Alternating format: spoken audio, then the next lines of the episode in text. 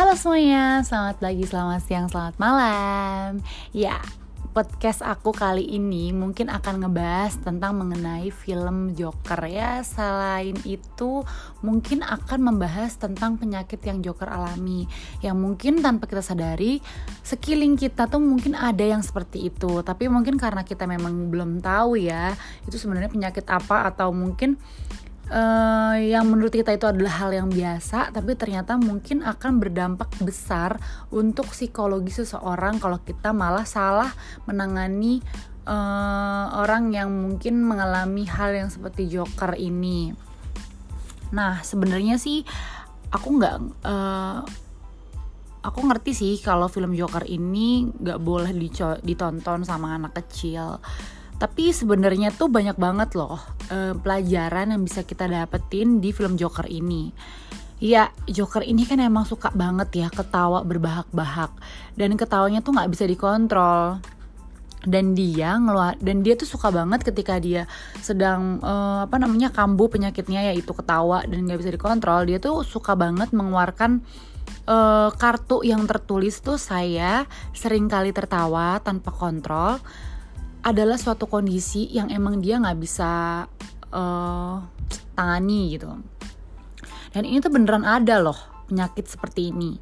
Namanya Spedobulbar Effect atau PBA. Ini tuh adalah seorang seseorang yang mengalami ini adalah orang yang nggak bisa mengontrol emosinya.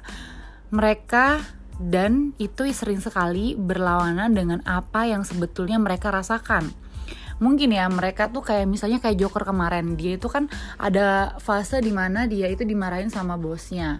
Tapi dia bukannya bersedih atau kecewa mukanya tapi dia malah ketawa. Dan ketawanya itu bener-bener yang kayak uh, berbahak-bahak banget gitu. Dan kalau kalian menemukan orang-orang seperti ini di sekolah, di kampus, di kantor, bahkan di sekeliling kalian, misalnya kalian uh, baru ketemu teman baru gitu, menurut aku sih mereka kalian tuh jangan uh, mengejudge dulu ya atau menjauhi dulu. Bisa jadi mereka tuh punya PBA penyakit ini. Dan dan ketika aku searching ketika aku cari ya, sebenarnya gejala-gejalanya tuh apa aja sih?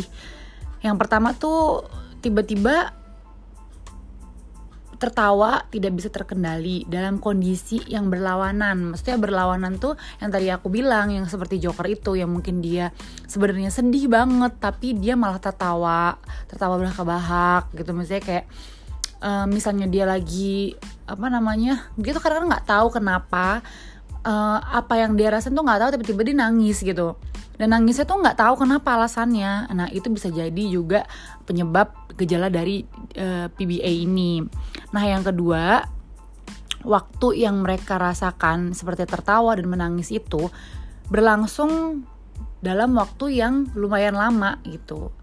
Dan yang ketiga terjadi beberapa kali dalam sebulan. Ya itu mungkin akan lebih uh, rutin ya. Dalam sebulan itu mungkin mereka mengalami uh, maybe lima kali enam kali dalam seming eh, sebulan gitu.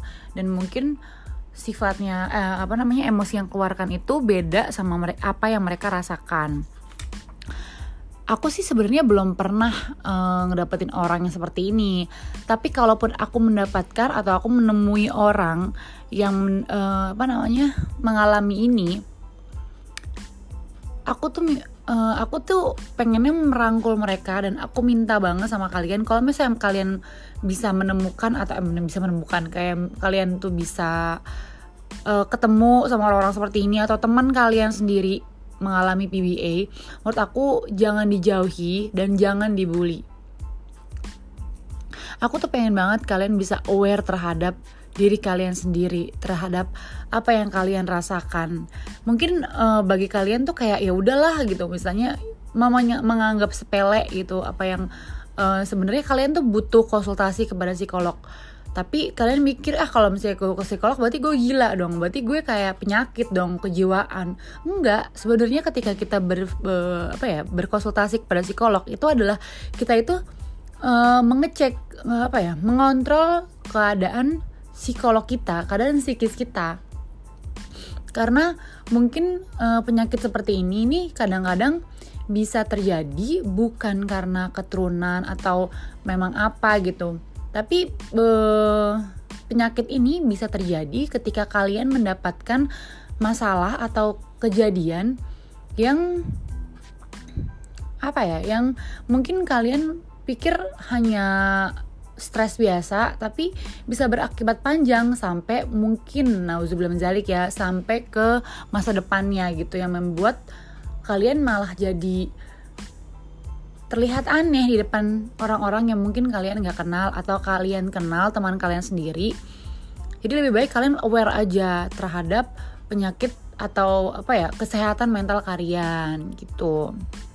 Nah aku juga serba searching ya. Sebenarnya aku searching kayak gini karena aku tuh banyak banget teman-teman aku atau uh, sekeliling aku yang mungkin sering curhat curhat kepada aku terus kayak cerita sama aku. Dan menurut aku kenapa kok mereka bisa mengalami depresi seperti ini? Dan aku sempat melihat salah satu uh, eh sekian banyak alasan gejala dari depresi itu adalah yang pertama kurangnya konsentrasi dan perhatiannya terhadap sekitar.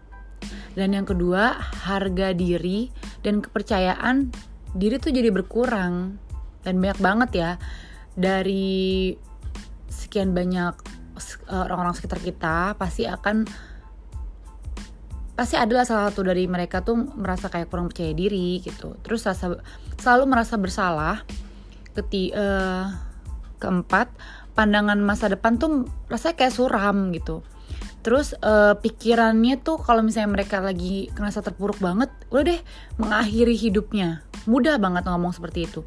Dan tidur terganggu naf nafsu makan berkurang.